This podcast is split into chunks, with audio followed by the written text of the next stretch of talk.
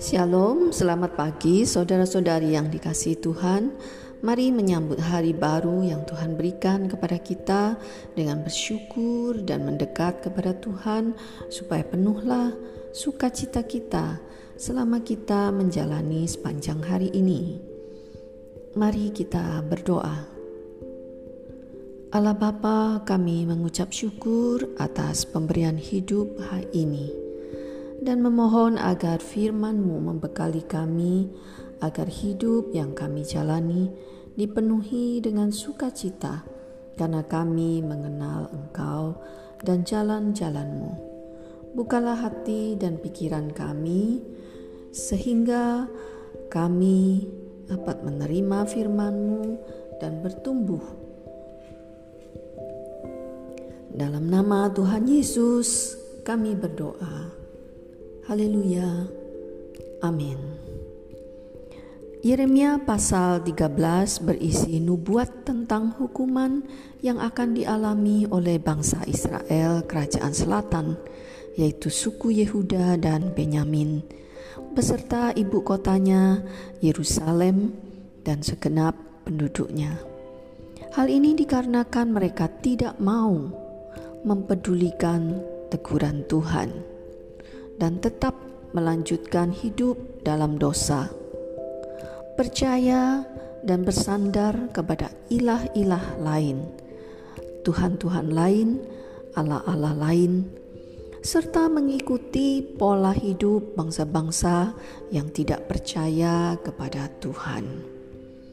Ada dua gambaran yang Tuhan berikan kepada Nabi Yeremia untuk disampaikan yang pertama berupa ikat pinggang lenan. Ini adalah ikat pinggang tanda orang terhormat, bukan ikat pinggang kulit yang biasa dipakai oleh orang biasa. Seperti ikat pinggang yang dipakai lekat di pakaian tubuh, demikian dekatnya bangsa ini di hati Tuhan.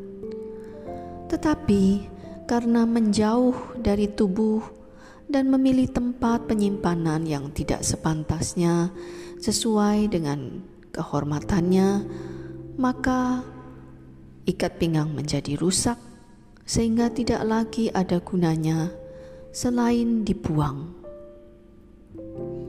Demikianlah terjadi pada bangsa Yehuda karena telah menjauhkan diri dari Tuhan dan memilih Allah bangsa lain maka mereka menjadi rusak dan tidak berguna lagi.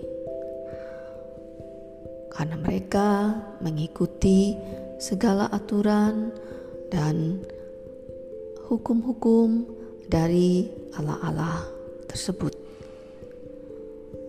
Maka di sini Tuhan tidak segan-segan membuang mereka. Saudara-saudari, gambaran ini juga mengingatkan kita. Jika kita memilih mengikuti jalan-jalan dunia atau agama-agama yang lain, maka sesungguhnya kita telah menjauhkan diri dari Tuhan kita, dan akibatnya kerohanian kita menjadi lapuk, dan kita kehilangan status kita yang terhormat, ternama di mata Tuhan.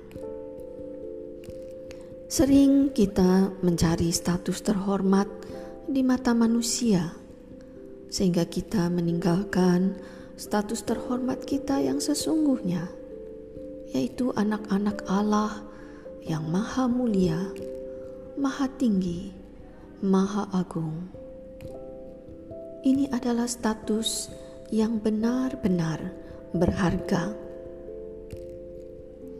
Gambaran kedua yang dipakai Tuhan untuk menunjukkan hukuman yang akan menimpa bangsa Yehuda adalah buyung anggur yang dihantamkan satu dengan yang lain, sehingga pecah dan terbuanglah anggurnya.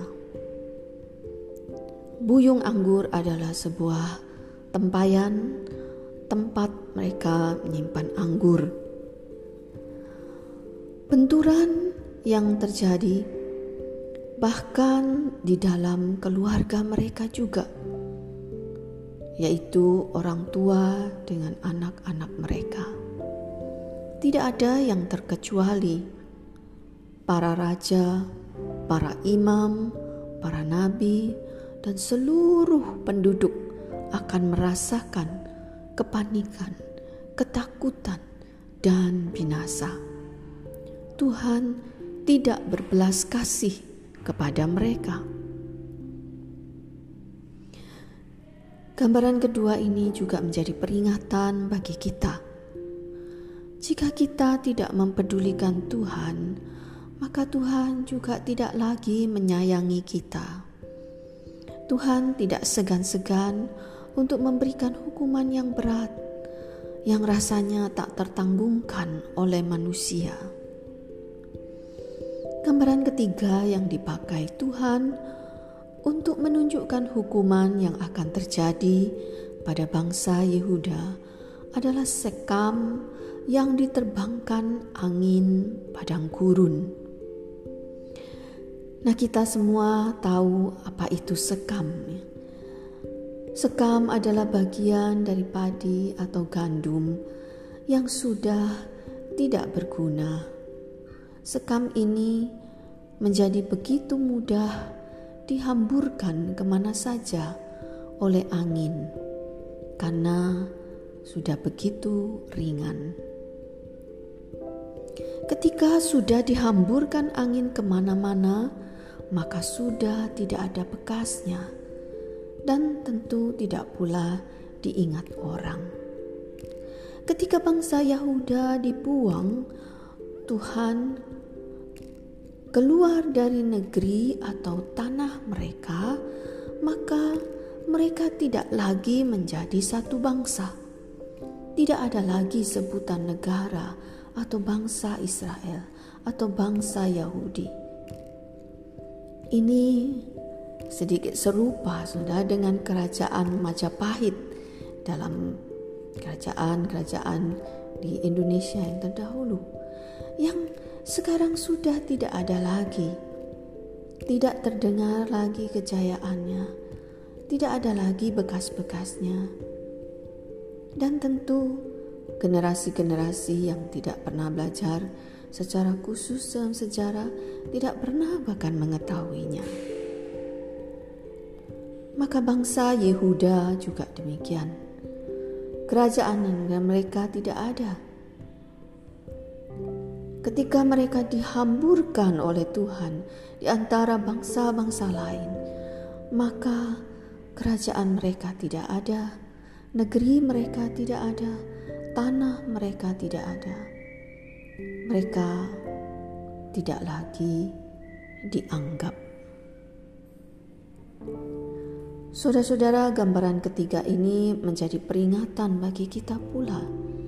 Jika kita tetap sombong Sombong di sini yaitu tidak mau mengakui kesalahan kita kepada Tuhan, tidak mau bertobat dan memohon pengampunan dari Tuhan.